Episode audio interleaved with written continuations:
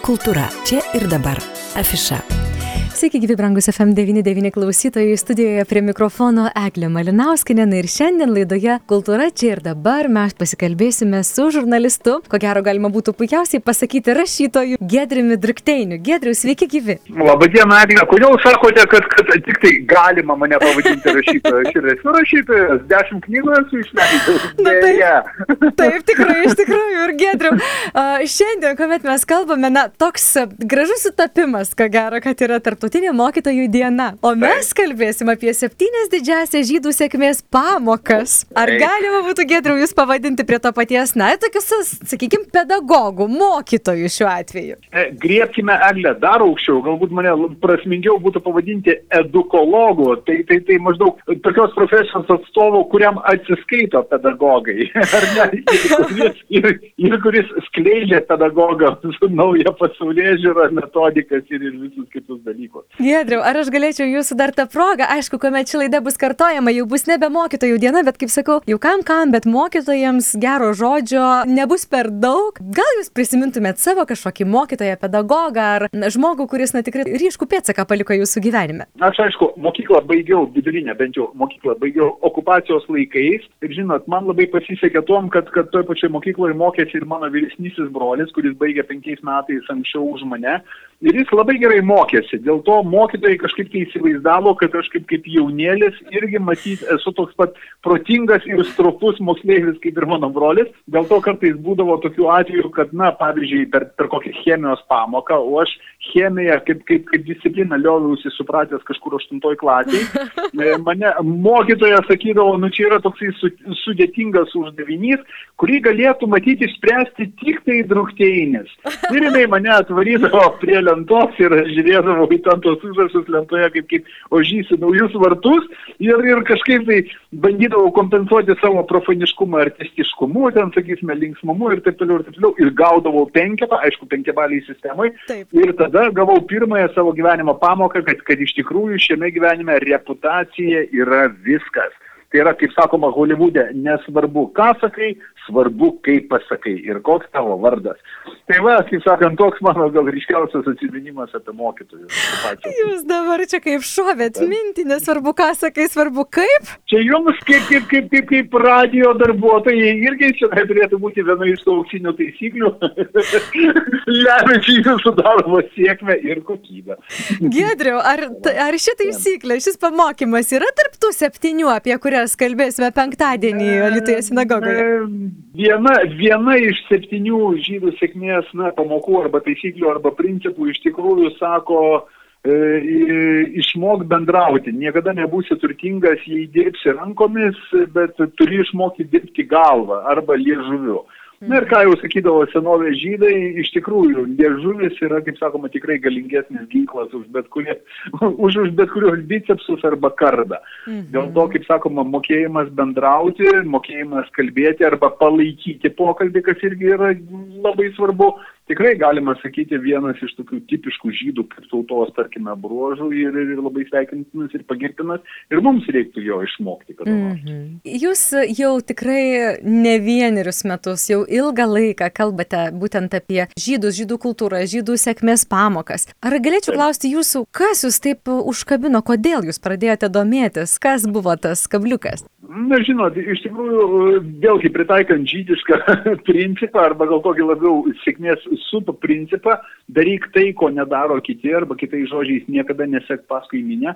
Čia, čia gal ir buvo viena iš tų priežasčių, ką aš, tarkime, dar 97 metais, būdamas 27 metų jaunuolis, nusprendžiau parašyti knygą pirmąją lietuvių kalboje, arba gal jau čia pasakyti lietuviškoje bibliografijoje arba istoriografijoje apie, na, tarkim, Izraelio kaip, kaip valstybės istoriją, apie artimųjų rytų konfliktų istoriją, apie žydų kaip, kaip, kaip tautos, žydų kultūros istoriją kadangi Lietuvoje tais laikais nebuvo visiškai jokių knygų, nei kulinarinių, nei kelioninių, nei pažintinių, nei apie Lietuvos žydų, nei apie holokaustą, nebuvo lietuvių kalba, dėl to aš, na, atsakiau savo, žiūrėk, niekas šito nėra padaręs, taigi atsisėsiu, parašysiu aš. Ir aplinka labai priešinosi tokiam mano tikslui, ar ne tokioms mano aspiracijoms. Aplinka sakė, nu ką, tu čia būdamas toks 27 metų snarglius maždaug įmėsi tokios, tokios grandiozinės temos, nes jinai yra labai pavojinga, labai sudėtinga, labai sofistikuota, daug ten visokiausių minų laukų kažką ir taip toliau ir taip toliau. Nu ir galų gale, galbūt tokį darbą galėtų atlikti tik tai, na, ar koks mokslo tyrimasis institutas, arba žmogus jau su kokiais skambiais akademiniais titulais ir taip toliau. Taigi tai buvo puikiai proga man atsakyti žydų išminties knygos, knygos Talmudo žodžiais, kuriame yra, tarkime, labai aiškiai pasakyta, kaip reaguoti į tokius atvejus ir tokią, į, į tokį aplinkos pasipriešinimą. Talmudas sako, gal ir taip, bet niekur neparašyta, kad tu to negali padaryti. Ne, citatos pabaiga. Ir aš tiesiog kažkaip tai atsisėdau, tris, tris metus tą knygą rašiau, keturis metus perrašinėjau, nu ir jinai išėjo ir ką, rankos nenukrito, nieko, kaip sakoma, galvos nepraskėlė kažkokiu taip lytgaliu. Ir staiga susivokiau, vat, būtent apie 2004 metus, kad, kad žmonėms šita tema vis tiek jinai yra aktuali, svarbi, įdomi, kas svarbiausia. Taip ir nusprendžiau gilintis į ją ir, ir tapdama šitos ryties tokiu daugmaž ekspertu, na, skleisti savo žinias ir dalintis tomis žiniomis ir išvalgomis su aplinkiniu Lietuvos pasauliu. Alituje apskritai žydų bendruomenės, na, visai nėra trupinėlis. Lietuvoje irgi labai nedaug, bet jūs susiminėte, kad na, iš tikrųjų žmonėms tai yra įdomu. Kaip manote, kur yra tas įdomumas, kodėl žmonės domisi būtent žydų mokymų, gal filosofija, kažkokia gyvenimo filosofija? Kur yra ta paslaptis, kad vis dėlto tai įdomu, ne žydui žmogui? Na, žinot, jeigu taip kalbėti šiais laikais gal, gal nelabai politiškai korektiška platforma, tai yra, tarkim, generalizavimų, žinot, man atrodo, kiek, kiekviena tauta turi kažkokių tai tokių stereotipinių, na, kaip čia pasakyti, stereotipinių įsivaizdavimų apie ją, ar ne? Na, čia, aišku, aš sakau, šiais laikais tai yra kaip ir, tarkim, neprimtina ir, ir iš principo neteisinga, bet man atrodo vis tiek turbūt kiekvienas lietuvis pritars, kad, kad, kad iš esmės, jeigu mes kalbame apie kažkokią tai sėkmę kažkur tai, na, tai turbūt nerasi kitos tautos pasaulyje kaip žydai, kurie būtų, na, sėkmingi įvairiausiose e, gyvenimo srityse, tokiuose kaip, na, pavyzdžiui, verslas, menas, kultūra, karyba, finansai, Hollywoodas, na, imk atrodytų bet kokią sritį, kur tik tai žydai, tarkime, e, pareiškia pretenzijų kažkokiu tai tą sritį, visur jie, kaip sakom, pasakė kažkokiu tai aukštumu, ar tai būtų mokslas, akademinė kažkokia veikla ir taip toliau ir taip toliau. Taip. Dėl to žmonėms, man atrodo, natūraliai yra tarsi įdomu susivokti, kaip jiems pavyksta tą padaryti. Ir, ir galbūt tie, tarkime, principai, galbūt jie yra pritaikomi ir, ir mūsų, pavyzdžiui, lietuvių gyvenime. Kodėlgi ne? Iš tikrųjų, žydai tų savo sėkmės principų niekada neslėpia. Jie, jie mielai su jais, tarkime, dalinasi, kaip sakoma, sako, daryk kaip aš, daryk kartu su manimi, daryk geriau už mane, jokių problemų. Nes, nes, nes, žinot, labai, labai yra svarbus žydų, tarkim, pedagogikos, čia aišku, kalbant tarptautinės mokslo dienos proga, labai svarbus pedagogikos kaip postulatas, kuris sako, ieškok protingesnių už save, gilinkis į kitų tautų, į kitų žmonių gyvenimą, imk iš jų kas geriausia ir taikyk savo gyvenime, nuo to pasaulis tik tai laimės ir taip toliau. Tai čia, man atrodo, galbūt yra pati pagrindinė priežastis, kodėl, sakysime, mes taip jais, tarkime, domimės, jau, ba, aišku, puikiai žinome vis tiek bendrą istoriją, atrodo, į, į, į bet kokį Lietuvos miestelį pasižiūrėk, ir aišku, akivaizdžiai matosi, kad ten gyventų žydų, ne, kad, kad, kad, kad šitie pastatai priklausė žydams, kad ši architektūra yra žydiška. O ir šiaip mūsų būtinis gyvenimas yra labai žydizuotas, kartais mes tiesiog į tai galbūt dėmesio, tarkime, neskreipiam. Nu, vad pavyzdys jums. Galbūt ir jūs, Eglė, šiandieną jau gal keliolika kartų esate pavartojusi tokį žodelį kaip jo. Ar ne? Nu, esu, kaip, kaip, kaip žo, žo, žodžio taip atitikmenė. Taip. Jeigu jums kada iškiltų klausimas, iš kokios kalbos yra atkeliavęs šitas žodis ir kodėl mes lietuviai esame vienintelė nacija visam regione, kuri vartojam šitą žodelį jo, kaip žodelio taip atitikmenį, nes to nedaro nei Latvijai, nei Lenkai, nei Rusai, nei Estai, nei Suomiai, nei niekas, kaip sakoma, atsakymas būtų labai paprastas. Jidiš kalboje, tai yra žydų vienoje iš kalbų, jo būtent ir reiškia taip. Ir tai yra visiškas, sakysime, žydų palikimas mūsų netgi leksikone, ar ne, ir mes visi vartojame, o ypač jeigu dar sakome, nu jo, ar ne, tai čia yra, tai čia jau 200 procentų žydiškas išsireiškimas ir vas, ir vas, prašau. Bet toks yra tas, tas mūsų gyvenimas. O jau aišku, ten kalbant apie virtuvę, apie įvairiausius pasaulyje žiūros dalykus, tai to žydiškumo mūsų lietuvių gyvenime, būtyje yra be galo daug. O ir tikrai labai įdomu. Gedriu, o tos septynios didžiosios mhm. žydų sėkmės pamokos, ar jos įkandamos, ar kiekvienam, ar vis dėlto čia yra ką, kur pasigilinti, nes būtent tas septynės didžiasias žydų sėkmės pamokas jūs ir atvešite į elitų, ar ne? Taip, visiškai taip, Eglė, ir žinot, taip be abejo, vėlgi, kaip aš jau ir buvau užsiminęs, jos visos nėra nei užkoduotos, nei jos yra paslaptingos, nei jos yra užšifruotos. Kažką ir dar kartą sakau, žydai jų visiškai neslėpia. Na štai jums pavyzdys. Pati pirmoji žydų sėkmės pamoka sako taip. Suprasgi pagaliau, kad tikras turtas yra mobilus, tai yra žinios, tai yra išsilavinimas, tai yra mokslas. Nu, ir man atrodo, kiekvienas sveikai protaujantis žmogus, nu tam turbūt pritartų 110 procentų, savai mes suprantam, ar ne? Ir vat visi ten, tarkim, visi tie gražų žydiški posakiai, kad, kad didžiausias žmogaus turtas ir didžiausias žmogaus galybė yra ne jo rankose, bet jinai yra tarp ausų, tai yra mūsų galvoje, mūsų smegenyse.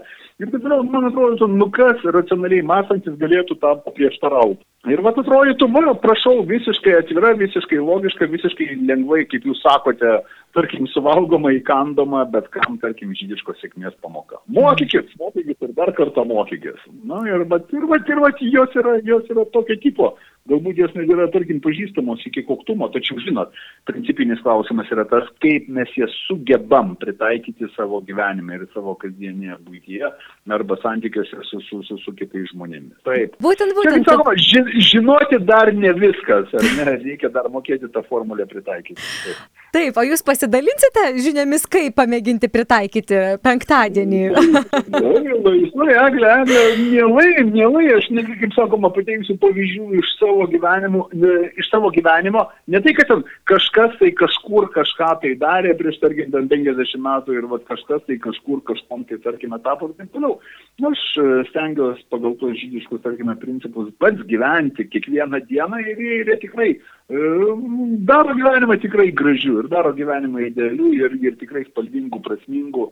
Dėl to, dėl to iš tikrųjų šitą paskaitą yra būtina, mm. būtina kiekvienam, kiekvienam racionaliai mąstančiam žmogui. Iš tikrųjų, jūs nebereikalo sakote, kad... Ir jūs ateisit. Aš ateisiu. Beje, beje, va, ateikite ir jūs, kaip sakoma, va, susižinokite, kaip dar tarsi geresnė radio laidų vedėja. Problemų. jūs, Gedriu, nebereikalo sakote, kad iš tikrųjų kiekvienam verta pasiklausyti. Na, nežinau, aš nesu žinovė žydų kultūros ir viso to, na, ką jie skleidžia žydų bendruomenėse, ar ne? Bet vis tiek teko domėtis, žinau, kad pats mokymas, mokymo kultūra, vaikų auginimo skiriasi nuo, nuo sakykime, mūsų įprastos lietuvaičių, ar ne? Ir, ir tikėjimas, na, šventasis žodis, ar ne, irgi. Požiūrės į turtą, irgi, irgi labai labai, labai didelis skirtumas yra. Tai toks kultūriniai didelis skirtumai iš tikrųjų. Visiškai teisingai, Eglė, na, bet pavyzdžiui, paminėjote turtą, ar ne? Na, tai, tarkime, mūsų, mūsų, na, tarkim, krikščionių, jeigu taip aš taip galiu išsireikšti, reikšti, na, tarkim, lietuvių krikščionių, na, požiūrį į turtą vis tiek formuoja, na, kaip ir naujojo testamento postulatai, kurie sako, kad, kad, kad na, turtas yra ten arba pinigai yra visų blogybių priežastis, ar ne? Nu, ne negali vienu metu tarnauti ir turtui, ir, tarkime, Dievui.